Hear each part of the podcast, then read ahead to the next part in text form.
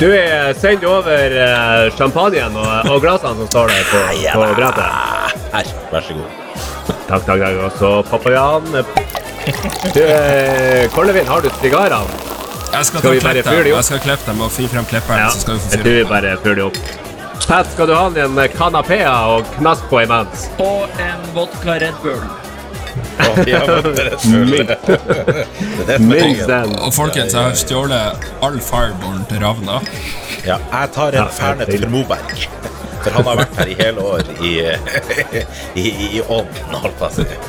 Å, ja, ja, ja, ja, ja, ja, ja. Det er det, gutter. Det er det, gutter. Det er passelig god stemning i studio. Vi koser oss med Glimt på topp og Vålerenga på bunn. Og jammen meg så snubla ikke Tromsø i eller også i kjent stil.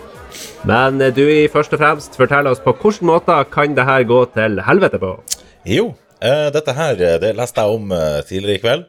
Og det er faktisk så enkelt som at hvis eh, Brann vinner eh, 6-0 i kampen mot oss, og så vinner de i tillegg 3-0 over Haugesund, eh, og 3-0 over et annet lag, så er det nok at Glimt taper Ja, 6-0 mot Brann, selvfølgelig.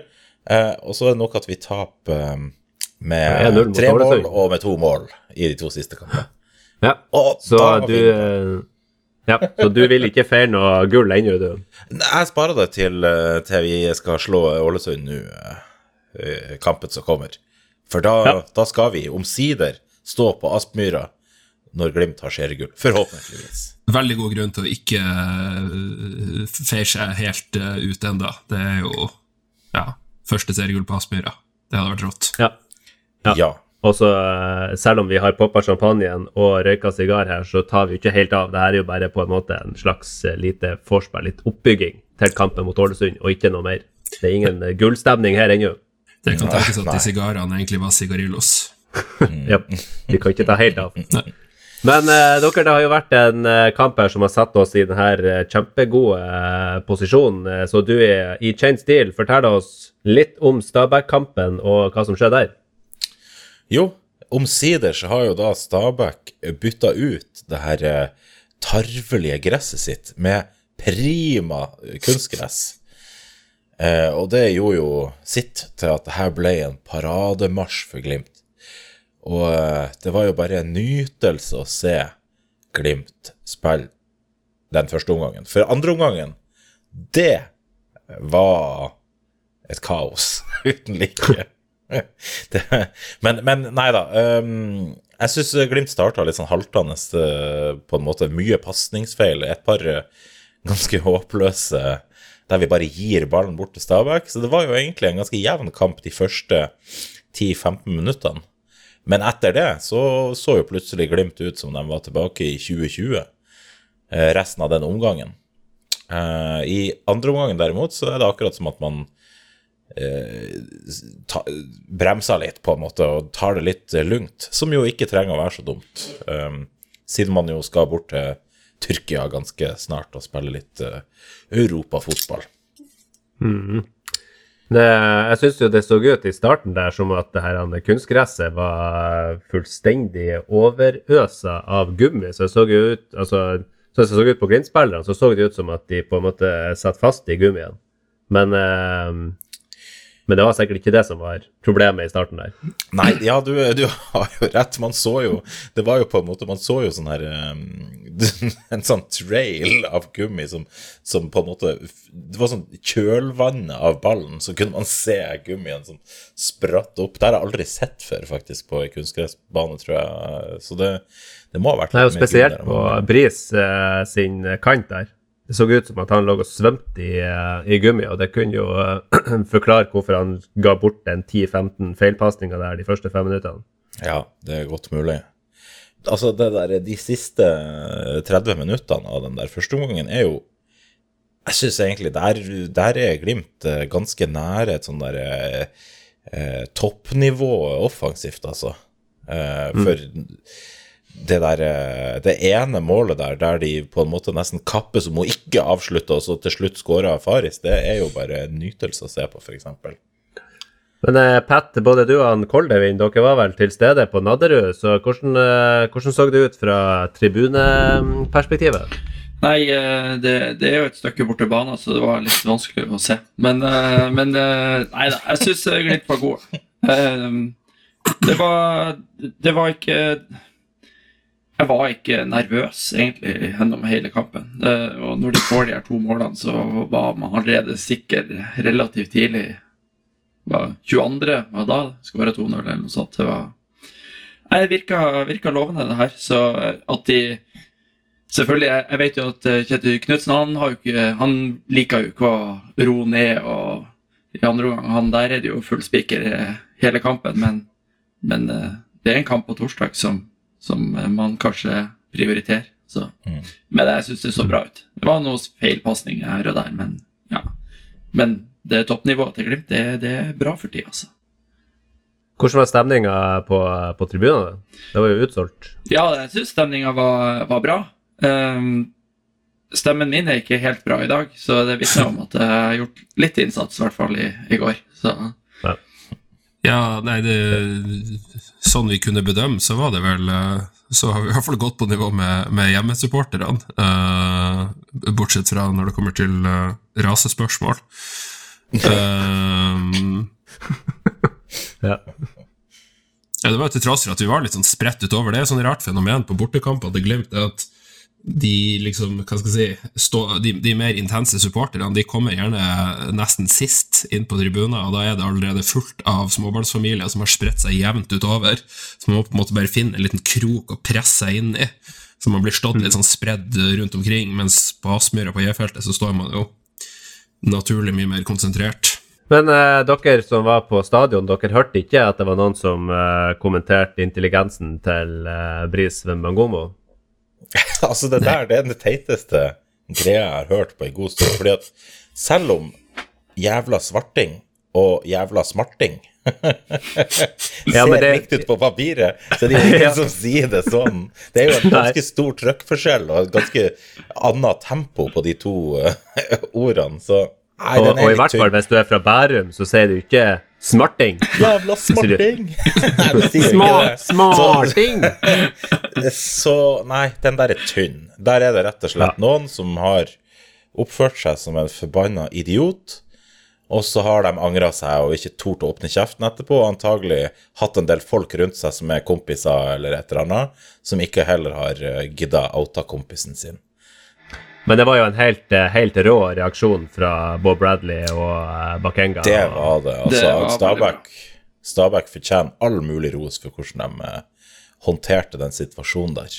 Eh, Og eh, Vi hadde jo en, ja. en, episode for noen år siden der det ble ropa 'jævla fittesame', og der klarte de vel også å vri det rundt til at de sa 'fiskesame', som jo selvfølgelig Det er jo bare et annet ord for kystsame og en hyllest eh, for den nordnorske kulturen, eller noe sånt.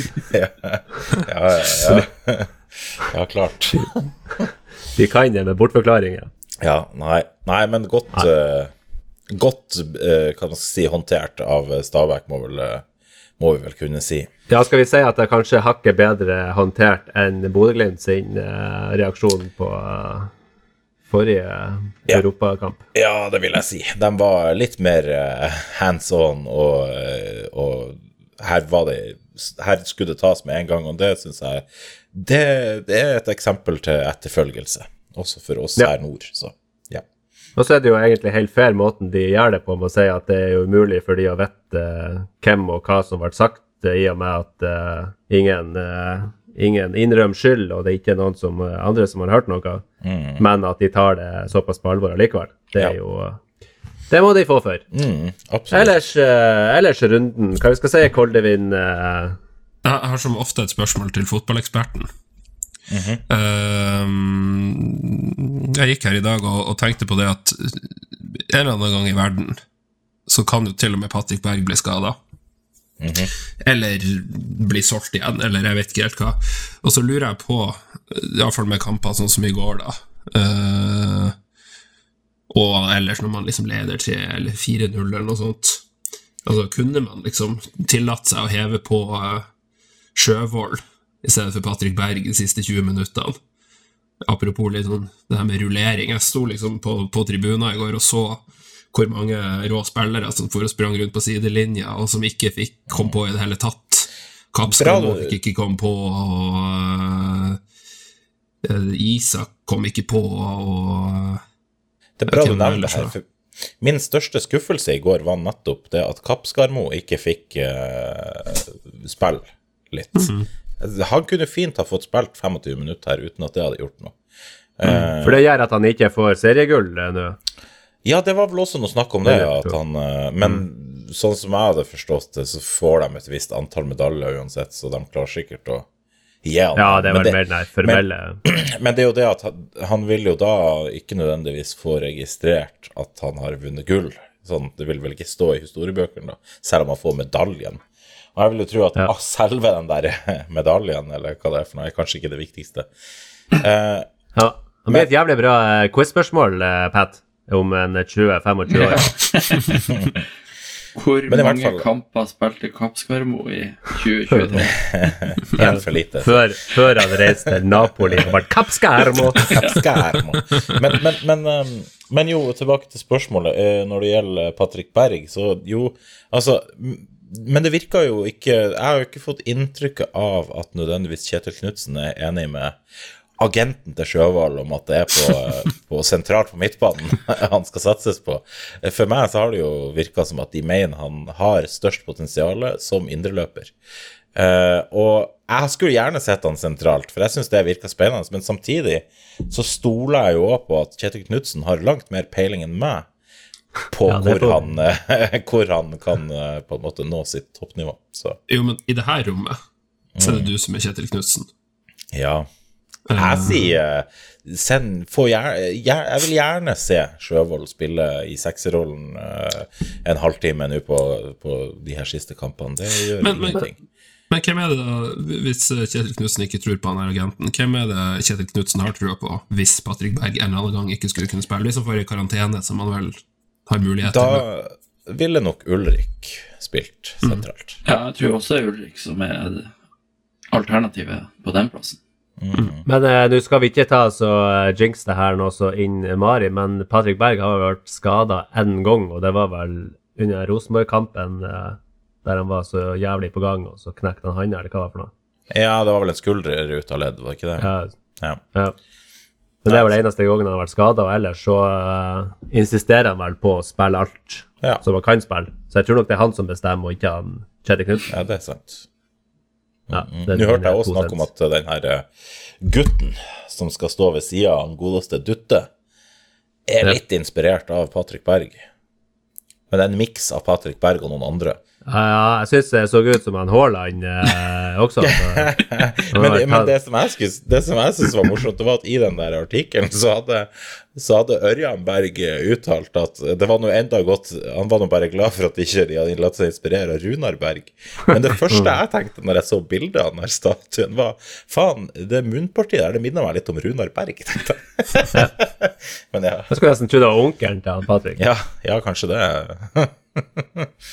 Men eh, Koldevin, det, det vil jeg egentlig eh, få høre litt om hva du syns om eh, Tromsø og deres eh, prestasjon denne runden. Uh, ja, nei, de tapte jo.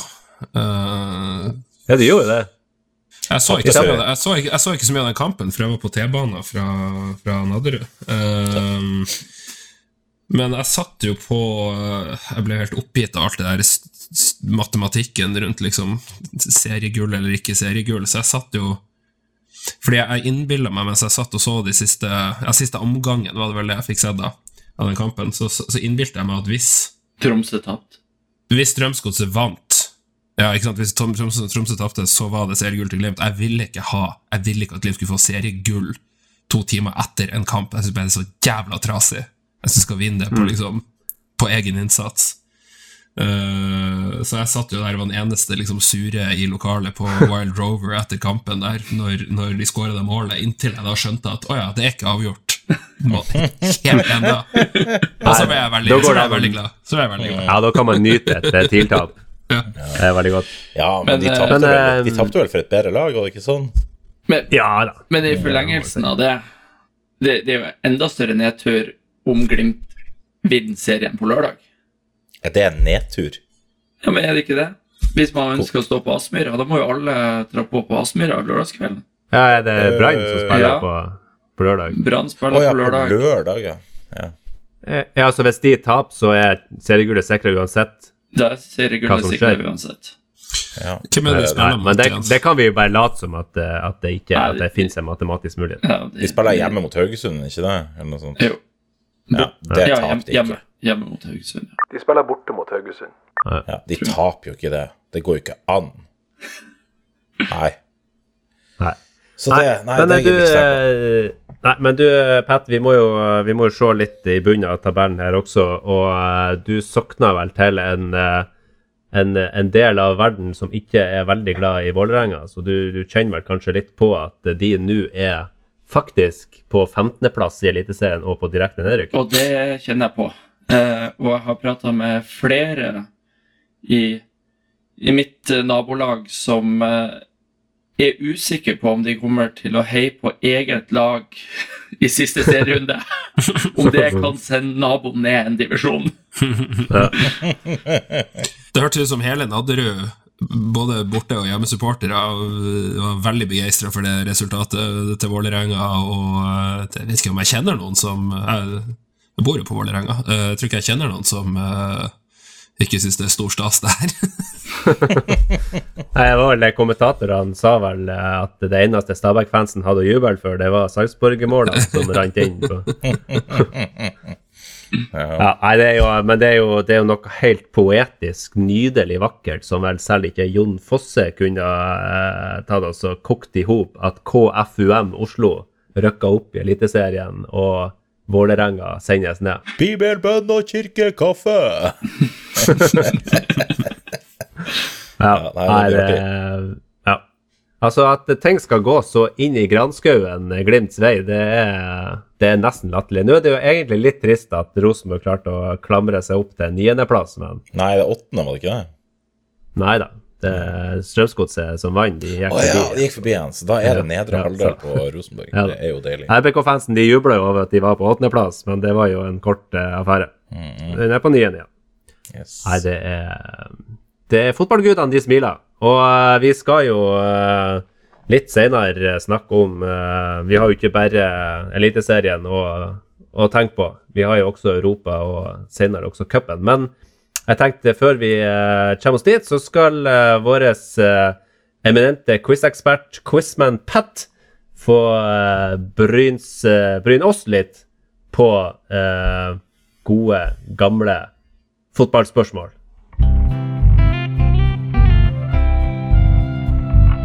Quizman Pat, Quizman Pat, still noen spørsmål som ikke er lett. Hvem var gift med Lydia? Hvem hadde klamydia? Ja, Pat setter fast panelet hver en gang. Gruveslusken Pats quizspalte. Da er vi klar for ny ny quizrunde. Og eh, du nevnte i innledninga her at eh, vi har mye å se frem til. Og det er jo en cupfinale den 9. desember, er det? Ja, det er det. Ja. Ja. Eh, Så, eh, så vi skal inn i, i eh, cupens, eh, cupens verden. Så, og i likhet med de andre gangene så skal, vi, skal jeg teste deres Glimt-kunnskaper først, eh, før vi gir ballen videre til, eh, til våre kjære lyttere. Men, eh, men jeg tenkte at før vi drar i gang den quizen, så har det kommet meg for øre at det, det er ikke kommet noe riktig svar på forrige quiz når jeg var i studio. Nei, det er ikke Kåre vinner, i hvert fall. Riktige svar har vi. Ja, har, ja, vi har fått masse svar, det, det har vi. Eh, ikke alle er riktige. Ikke alle forsto spørsmålet. Eh, men eh, men vi, eh, vi får vel dra frem fasiten. For spørsmålet forrige gang var jo Det var jo et Haaland-relatert spørsmål, kan man si. For det, på grunn av Haaland-feberen så var det jo snakk om disse rekordene som Haaland setter.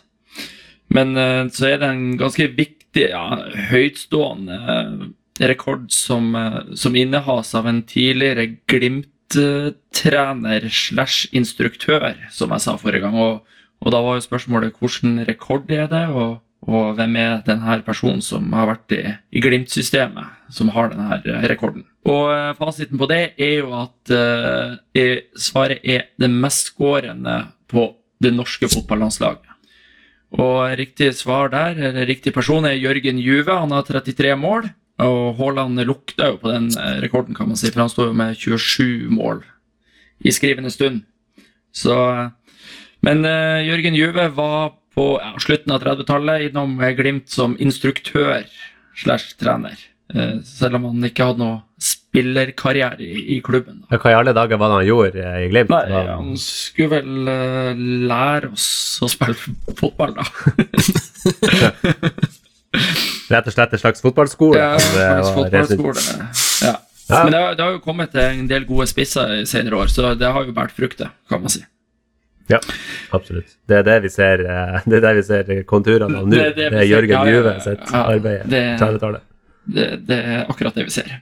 Når det kommer til uh, vinneren av denne quizen, så hvem er det, hvem er det som uh, vinner ølbrikka denne gangen? Jo, da må vi jo opp i, opp i Kørja og så trekke opp en ball, sånn som de gjør på Uefa-trekningene.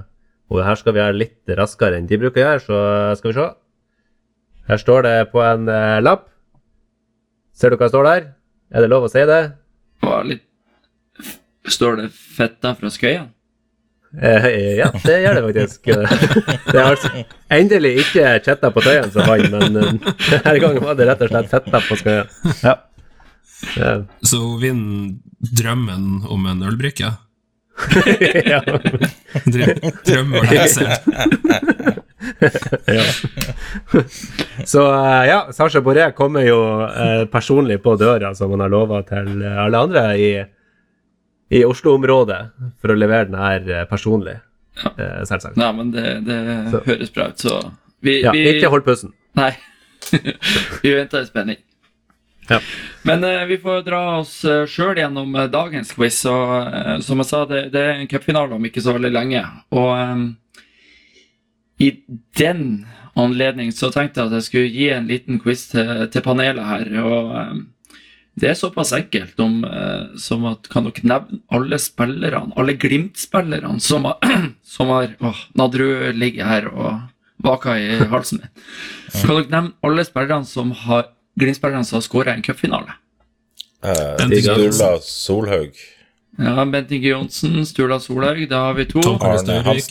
Tom Arne Hansen. Kåre Staurvik, Arne Hansen, da er vi oppe i fire. Tom, Skåra ikke Stig Johansen i 2003? Jo, Stig Johansen skåra i 2003. Da Tommy Og da mangler vi og Da mangler Glimt skåra to mål i 2003, gjorde ikke det? Nei, ett. Du har sagt Staurvik, øh, Ruben. Sant? Ja. Ja. Staurvik skåra i 93. Bent Inge Johnsen skåra i 93. Sturla Solhaug i 75. Arne Hansen 75. Men så Ja, er det det er de. ett det er ett mål til. Ja, vi er i en tapt cupfinale. Ja, det må jo være mot uh, Stig 96. Hansen. Runar Berg? Nei, ikke Jo, Berg. det var Runar Berg. Var, ja, var Runar Berg. 96. Runa Berg. Ja, der han uh, hensa først. Ja, det går rykter om det, ja. Nei, ja, det var ikke hens. Det var det ikke. Det var, Kan det var låret. Kan jeg stille et motquiz-spørsmål som jeg ikke vet svaret på sjøl? Er det noen Glimt-spillere som har skåra mot Glimt i en cupfinale? Altså som har spilt for Glimt, men skåra mot Glimt i cupfinale? Altså Rosenborg Tromsø- Nei, altså type Altså, Runar Berg spilte jo på Tromsø en stund, gjorde han ikke det? Men Jo. ikke i 96. Jeg Skåra ikke Brattbakk i 2003? Tar jeg feil? Var- Det var Jan Gunnar Solli skåret to, iallfall. Men Ja, uh, i eh, Ok, på overtid. ja. Jeg husker ikke hvem som skårte i selve matchen. Var si. Ikke det Karadas? Jo, kanskje det var det. Jeg har noe minne om at altså, Karadas kvesta uh, Glimt-keeperen og skåra. Ja, ja. ja. Nei, La oss ikke eh, tenke mer på det. Nei, ikke tenk Ja, nei, det var et, det var et deprimerende spørsmål. Nei da, men, eh, men det, dere tok jo den der eh, med litt eh, Med glans, som vanlig. Ja, uten glans så hadde det vært kjedelig å være oss. Dere er jo levende leksikon, hele gjengen her. Men det betyr at vi har fire cupfinaler som, eh, som vi har skåra i. Hvor mange cupfinaler har Glimt spilt, da? Seks? Ja, husker du? Hvilket årstall? Ja. 75, 77, 93, 96, 2003, mm, i fjor. 2021? Ja. Ja, Eller, 2021. ja. Ja, 2021, ja. da for den Nei, ja, det var år, året var 2022. Ja, Ja. Men det var 21-cupen. Ja. Ja, men det, det er bra. Det er bra. Og eh, så kommer eh, da quiz-spørsmålet til, eh, til folkebevegelsen, da. Og eh, det er jo I gamle dager så fikk jo ikke nordnorske lag lov å være med i den her eh, Norgesmesterskapet, så vi hadde jo vårt eget nordnorske mesterskap. Og da er spørsmålet A. Hvor mange mesterskap har Bodø-Glimt? Og B. Hvor mange mesterskap har Tromsø IL? Åh. Jeg kan, jeg kan i hvert fall én av de to. Så Ja, så det er altså det, det er todelt eh, spørsmål. Yes. Hvor mange nordnorske Og- mesterskap har Glimt? B. Hvor mange nordnorske mesterskap har Tromsø IL? Ja. Og vi kan jo ane Du har ikke stilt dette spørsmålet hvis det, det første tallet hadde vært mindre enn det andre. Det er Håper jeg. Håper jeg. ingen kommentar. Ja. Nei, men uh, folk har jo uh, lært seg nå hvor de skal sende uh, svarene sine. Det er jo mail, det er Twitter, det er Facebook og skriftlig i alle lokalbutikkene. Eh, så da er det jo bare å eh, sende inn, og som Koldevin sier, eh, premien er jo drømmen om en ølbrikke levert av Sasha. Eh, Du glemte Men, å har nevne at Glimt i Steigen er også på Blue Sky. Der det vel Ja, cirka er ingen, ingen andre Glimt-supportere. Men eh, Hva er, ja. hva er, Blue, hva er Blue Sky? Det, det er den nye Twitter. Det er den nye Twitter, Ja. ok. Ja. Ja. Åh, Men eh, hvis man sender inn svar der, så er det ikke sikkert at eh, det blir registrert. Bare så det, det er sagt. er, det, er det Sasha som opererer på, på Blue Sky? Ja, garantert. Det er der han sender ut Ja, ølbrikker. han som på Blue Sky. Ja, da har vi en unnskyldning. Ja. Nei, men vi har jo hatt en, eh, en konkurranse her eh, forrige episode òg, og da var det jo eh, den nye spalta Gul parodi, så vi må jo faktisk trekke en vinner der òg. Og faktisk lage enda mer kø i det ølbrikkesystemet her. Og da, Dui, Ja. da kan jo du ta oss og prate oss igjennom, fordi at det var jo din parodi som skilte Clinton fra hveten. Ja Jeg må jo innrømme det at jeg hadde jo ikke akkurat eh, Jeg hadde jo ikke øvd veldig mye, men jeg hadde en sånn slags eh, et vagt minne om hvordan denne personen hørtes ut i en intervjusituasjon. Og jeg tror egentlig den eh, parodien var ikke så ille, egentlig. Det var litt sånn jeg husker han. Men det var Ja, jo Ja, så sa du vel òg at det er noe med innholdet her som, som man kan jo ta Ja da, det skulle ikke være helt umulig å, å gjette hvem Nei. det var. Men det var ikke eh, Sindre Finnes. Nei, og ikke Bengt Og ikke Bengt Sæternes, nei. Ikke, ikke Marius Lode heller. ikke Marius Lode.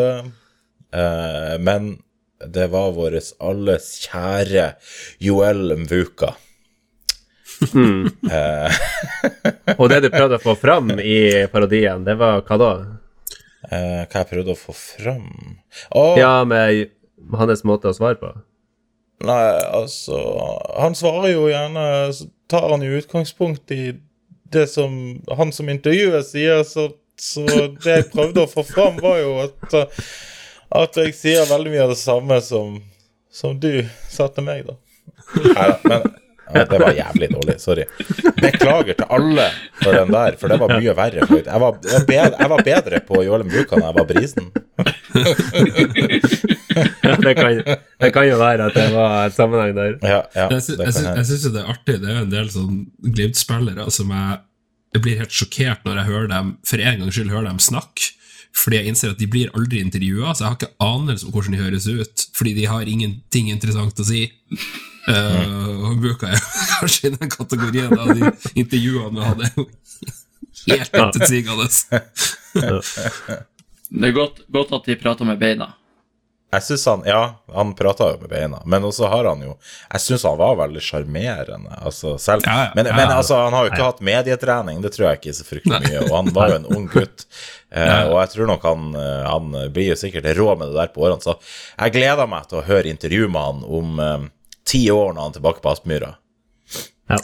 Han er ikke en like stor slugger som Ulrik Saltnes i, eh, i intervjuene. Nei, og aldri- Ulrik Saltnes kommer jeg aldri til å prøve å parodiere, fordi at uh, den dialekta der, det er noe for seg sjøl. Ja, Nei, men uh, vi må jo holde muligheten åpen i en annen gul parodi. Ja, jo da. Men uh, kan du, kan du si hvem de to andre var, da? De to andre, det var jo da han Frode Thomassen, som, eh, som Sasha så pent parodierte. Mm, det, og det der var det mange som forsto. Ja, det skjønner jo jeg òg. Jeg hadde òg gjetta det kun på, på grunn av bruken av ordet produkt. Um, men Og hva var den siste? Ja, og så var det Ja, selvfølgelig! Hold nå kjeft, Trond! Ja, ikke sant? Ja, Sett deg ned og hold kjeft. Det var det. Det var Det var jo øh, Jeg tror jeg snakka på vegne av alle oss når vi sier vår største uh, podkast- og sportsjournalist-idol. Og, og, og hadde det ikke vært statue av Dutte Berg utenfor Aspmyra, så skulle vi pina hatt opp en av karen her. Og det var jo da selvfølgelig Freddy The Man Thoresen. Ja, og det var jo kun med ren kjærlighet han ble parodiert. Eh, Det fins ikke noe annet enn kjærlighet for Freddy Thoresen. Nei, og da skal vi også ha en vinner der, og da må vi ned i den andre kulaboksen her, og da trekker vi opp Skal vi se her, der står det altså Det var Kenneth Magnussen som gjetta riktig. Og det kom inn jo inn mange svar, og, men jeg tror halvparten var feil. Og det var stort sett på grunn av eh, Beklager. Beklager. Ja, men det er bra. Det skal ikke være, det skal ikke være for enkelt. Nei. Nei. Nei, veldig bra. Nei, men eh, dere, da lar vi, eh, da lar vi eh, konkurranse være konkurranse, og så skal vi begynne å så rette blikket sør og østover mot Mesopotamia Nei, ikke Mesopotamia, hva er det for noe? Kaller vi det osmanske riket? Det blir det osmanske riket, ja. Ja, det blir det. Og da skal vi til spalta.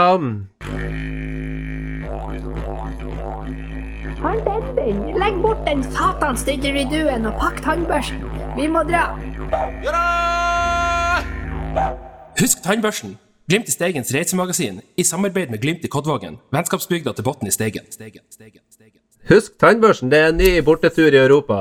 Kjære venner, det heter seg at alle veier leder til Rom. Uh, I år 330 så flytta keiser Konstantin Romerrikets hovedstad fra det malariabefengte hølet Roma til byen som i dag heter Istanbul, men som keiseren den gang ga navnet Nye Roma. Og også til Nye Roma leda utallige veier.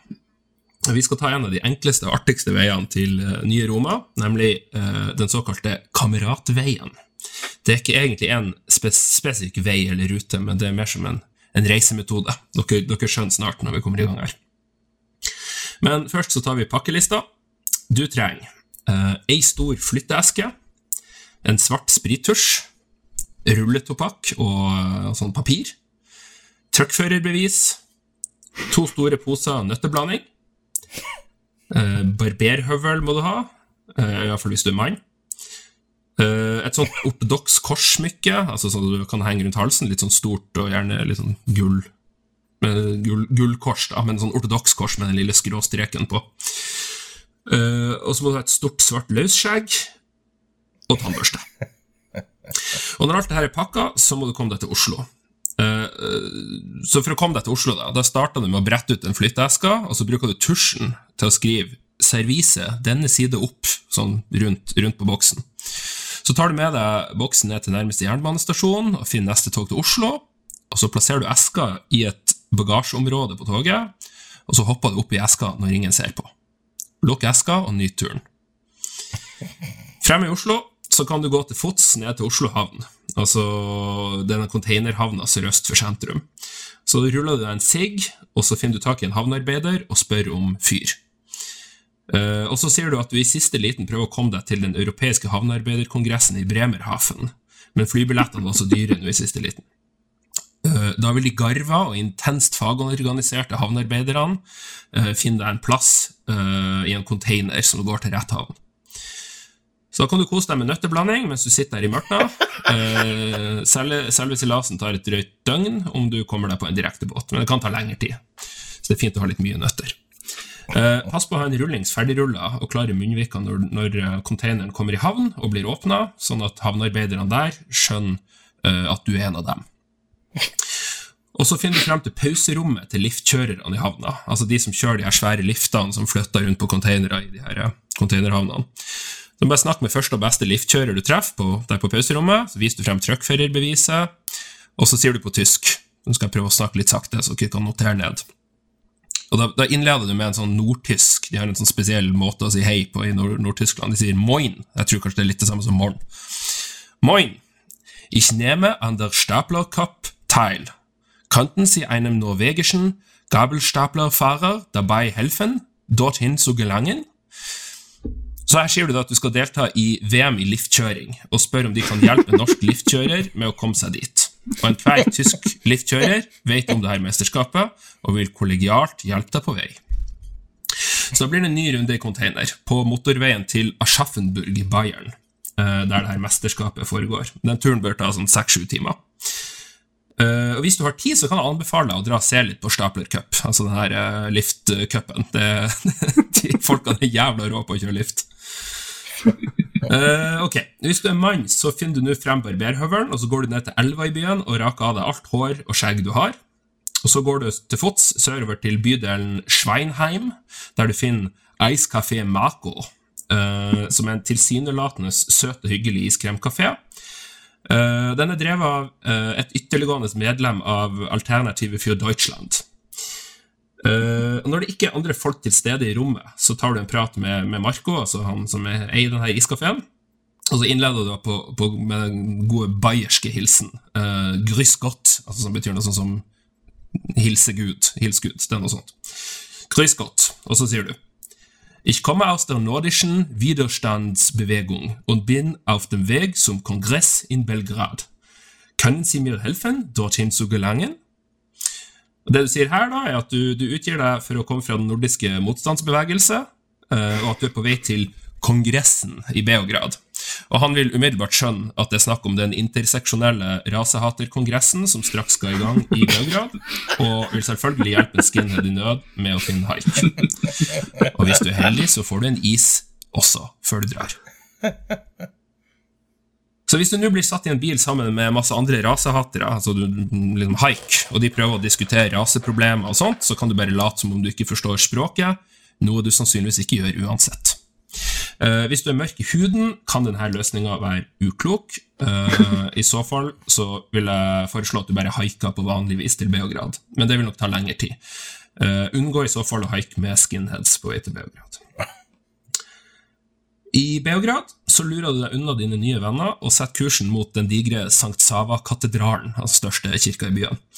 Ta på deg løsskjegget heng det her korset om halsen. Og I det nabolaget her så finnes det flere butikker som selger klær for or- ortodokse geistlige, altså prester og munker og sånt. Så bruker du Google Translate eh, og utgir deg sjøl for å være en munk på reise, og at hotellet ødela habitten din i en renseriulykke.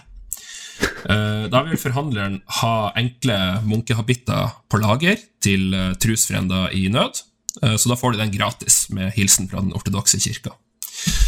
Kle på deg habitten, gå til Sankt Sava-katedralen.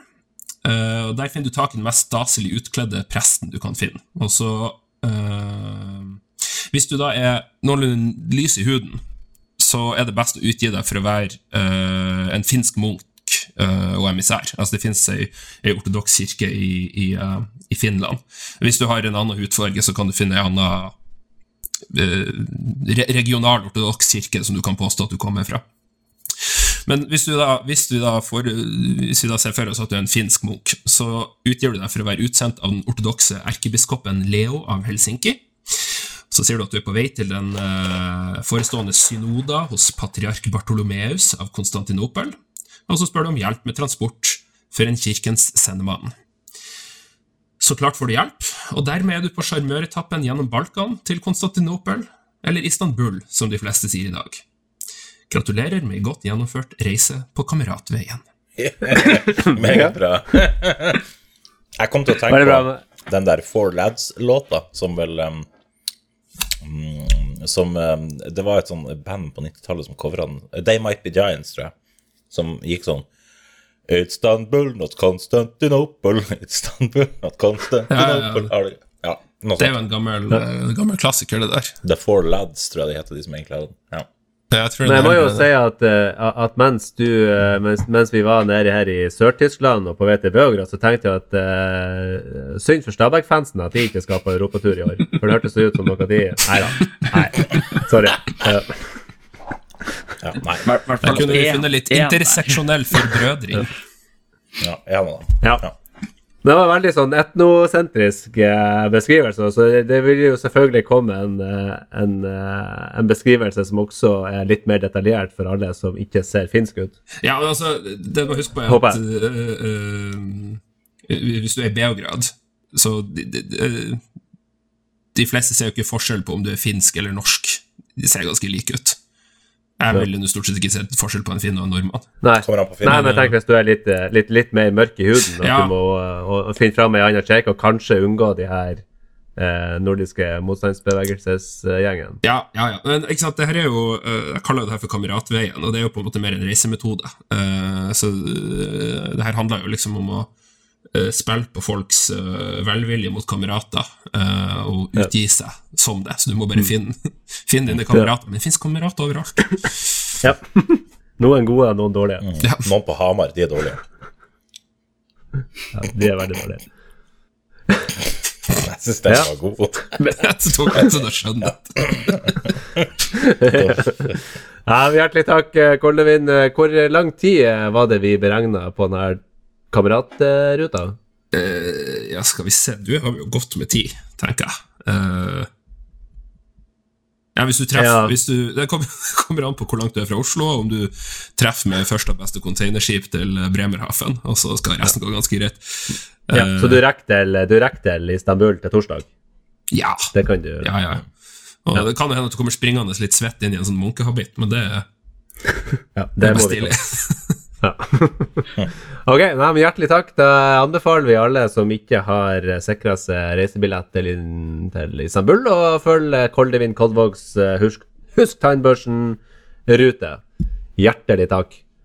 Og da skal vi eh, suse videre tilbake til i tid, til eh, Bjørn Mensverks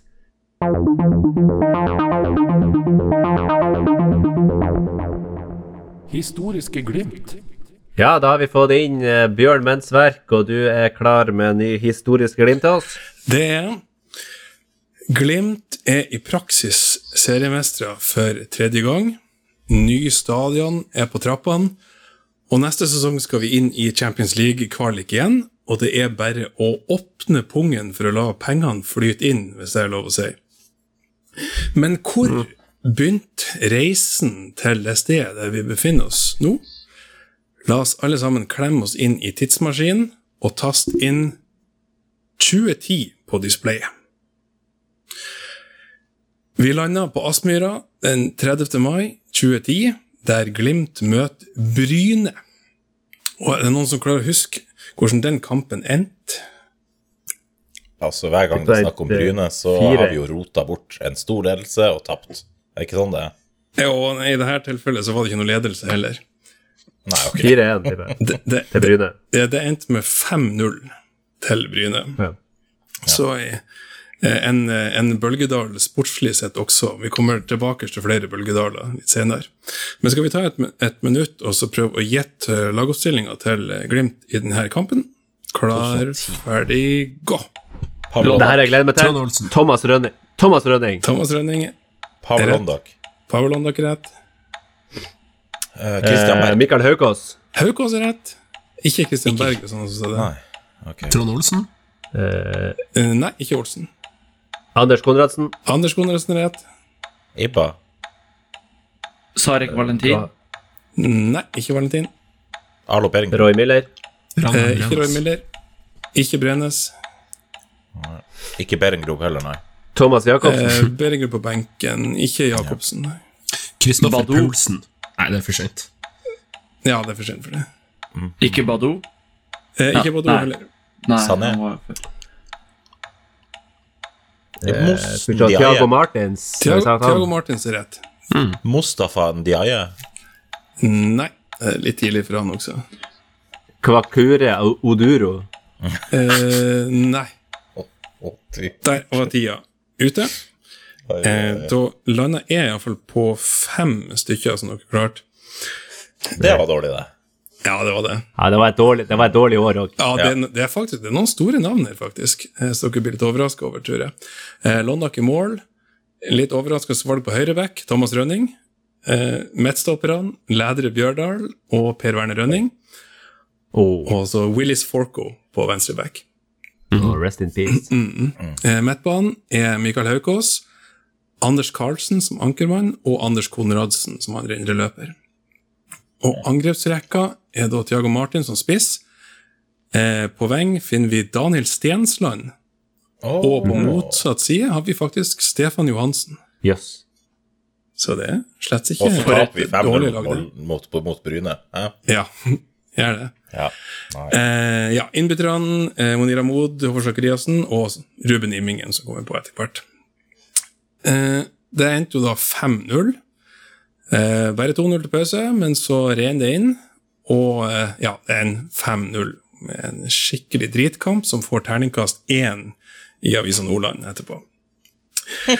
Underveis får Tiago Martins også rødt kort etter ei skikkelig rullegardintakling utover andre omgangen. Glimts bestemann ifølge AN er Pavel Londak, som faktisk får karakteren 6, og det sier jo litt i en 0-5-kamp.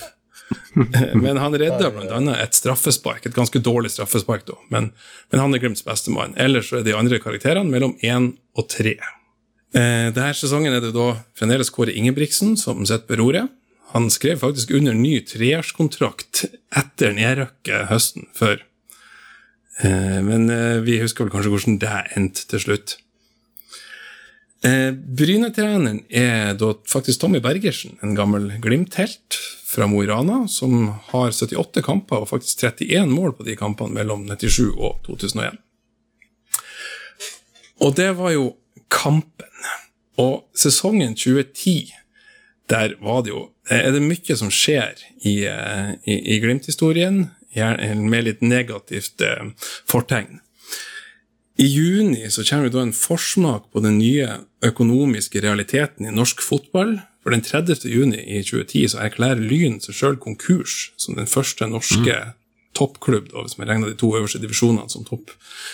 Eh, så er det den første norske toppklubben som går konkurs. Og De blir dermed diskvalifisert fra ligaen, og alle resultatene strøket. Og Lyn starta i sjette divisjon året etter. Og på sensommeren dette året så blir det da klart for alle sammen at Glimt også er i noen alvorlige pengeproblemer.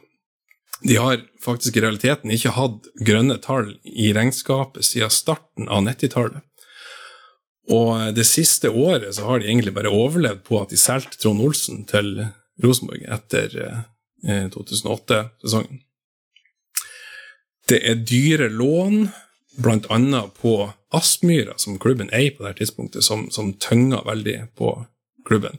Som ofte har kunnet lene seg på Nordlandsbanken før når tallene har vært røde, men nå er det skikkelig alvor. Det er faktisk utrolige 40 millioner som klubben har i gjeld. Og det er trua i horisonten både minuspoeng og i ytterste konsekvens en konkurs. Er Nordlandsbanken fortsatt i drift på det her tidspunktet, eller er det overtatt av eh, DNB? Eh, de er iallfall i prosessen opp mot det, men Glimt spiller jo enda med Nordlandsbanken på draktene i, i, i 2010. Så det er vel sånn helt mot slutten av levetida til Nordlandsbanken også.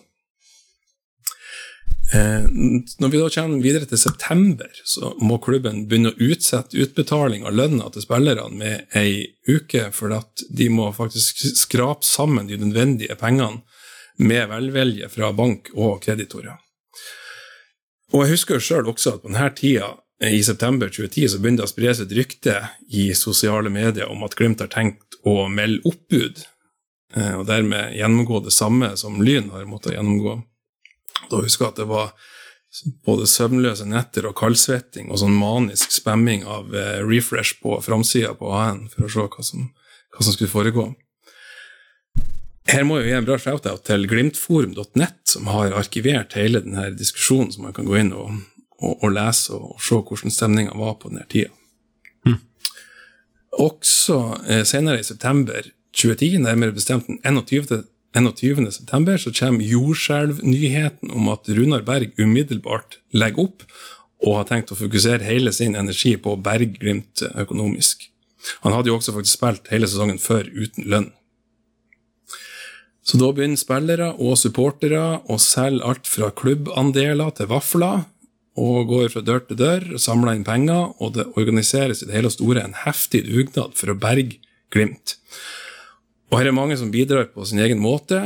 F.eks. Leknes og Omegn idrettsforening i Lofoten de donerer ikke bare penger, men også 200 kilo ferskfisk.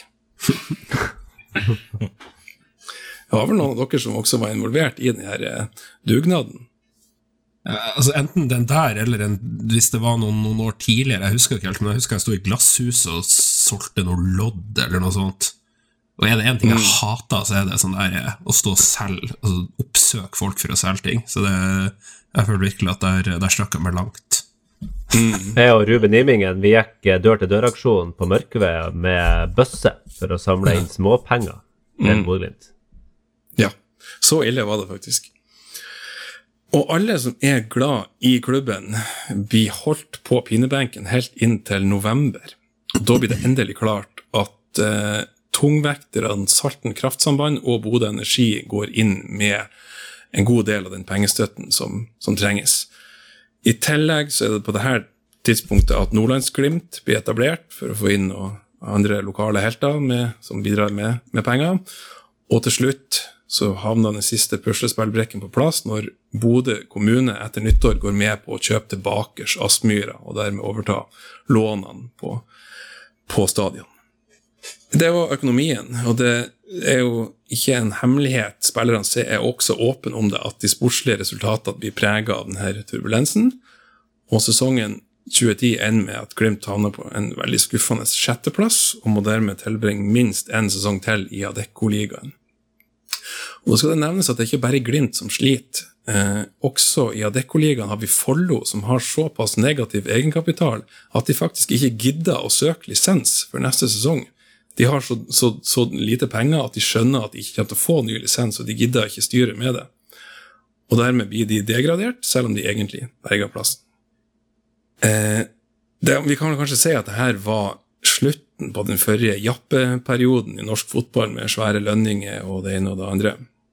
For i tillegg til de som vi har allerede nevnt, med Lyn og Glimt og, og eh, Follo, så er også Kongsvinger på konkursens rand oppe i, i Tippeligaen. Men de blir også berga av, av kommunen i, deres tilfelle.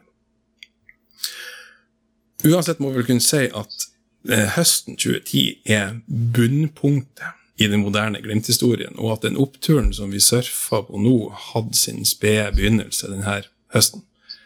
Det ble rydda opp i, i gammel mannskit, eh, og man begynte å bygge et økonomisk fundament og en ny, ja, en ny måte å drive klubb på, som suksessen kunne senere vokse opp ifra. Var det, var det da man sakte, men sikkert slutta å kalle det for en klubb, og begynte å kalle det for et produkt? ja, det, det, vet jeg ikke. Det kan sikkert gjøre et interessant søk i Avisa Nordland-arkivet på det når det her begrepet blir brukt for første gang. Det skal jeg lage en ny episode om senere. Ja, og når var det vår måte? Når var det det eh, Ja, det er jo litt i forbindelse med det her. Eller? Mm. Jeg tror faktisk tidligere enn det. Ja, det, det, er når det, det, begynner å komme en del eh, kompetente folk inn i styre og stell som som begynner å få ned de her eh, grunnverdiene som de kaller for vår måte. Eh, jeg husker ikke akkurat tidspunktet på det, men, men det er i etterkant av det her som, her som skjer. Du sier de, de, de legger grunnlaget for, for, det som kommer senere, men, men den sportslige suksessen kom jo ikke akkurat med en gang. Det kan vi jo si. Nei, Hvis det her var 2010-sesongen, så var jeg på åpningskampen i 2011-sesongen, og da var jeg borte på Hødvoll og så at vi tapte 3-0 mot Hødd. Så det var ikke noe, det var ikke noe umiddelbar suksess.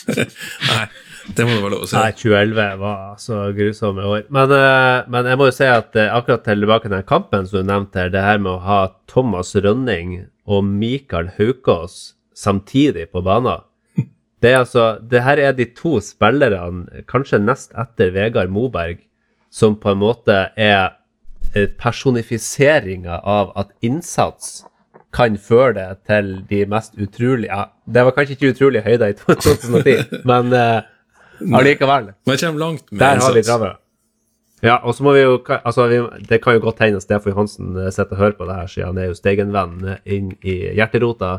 Men Stefan Johansen i 2010, det var ikke toppidrettsutøver. Det må vi vel være enige om. Ja, det kom kanskje senere da også. Ja. Det er sprøtt å tenke på at det her bare er 13 år siden. Og vi får håpe at selv om vi bygger ny, stor stadion og klubben ekspanderer, så vil vi aldri havne i et sånt uføre igjen. Når vi tenker på da at den her eh, megaunderskuddet i, i 2010 var på 40 millioner, så har da sjekka opp at Champions League-deltakelse, bare å kvalifisere seg for gruppespillet, er 150 millioner inn, og hver seier i Champions League-gruppespillet er 28 millioner. Så er det jo, er, er det jo tydelig at vi er på et eh, på et annet, eh, et annet sted enn vi var for 13 år siden. Er du, eh, du brukte ordet første eller forrige jappetida i norsk fotball. Mm. Er, vi, er vi i en ny jappetid? Eh, nei, det er ikke godt å si. Jeg, jeg, jeg sa forrige for at eh, jeg, jeg, vil kanskje ikke, jeg vet ikke om vi er inne i en ny ei, men det var jo veldig åpenbar jappetid på denne tida som, eh, som jo da tok en ganske brå slutt. Eh, rundt, eh, rundt 2010. Men overgangssummer og lønner og sånt gjennom 2000-tallet var jo ganske heftig eh, sammenligna med det vi ser i dag på en gjennomsnittlig eh, toppklubb i Norge. Så det er kanskje bare greit om det ikke starter en ny sånn ja, Men jeg, jeg gleder meg til å se regnskapet i Molde for 2024-sesongen. Eller, eller Rosenborg, for den. Ja, ja. Eller enda bedre, Vålerenga i Obos. Det er jo eh, nydelig å få perspektiv her. Vi starta episoden med å eh, klage på at eh, ligaen kan bli avgjort på lørdag og ikke på søndag. Det kan jo få oss til å fremstå litt blasert, men, men, men det er nydelig å tenke på hvor vi har vært, og hvor vi aldri skal tilbake igjen. Og eh, pilene peker stadig oppover. Nå er det seriegull, det er cupgull, og vi skal pinadø også slå Besiktas på torsdag, som gjør at vi kommer oss videre fra Conference League også. Og i år, eller over, over nyttår, så har jeg trua på at vi endelig er det det første laget fra Norge som vinner en europeisk turnering. Er vi ikke enig i det? Ja, Oh, yes. Så da ønsker vi god tur, alle dere som har valgt kompisruta til Istanbul. Alle som reiser på en mer tradisjonell måte med fly, f.eks. Og eh, så er det jo bare å eh, si at vi skal slå Besiktas, og Heia Glimt!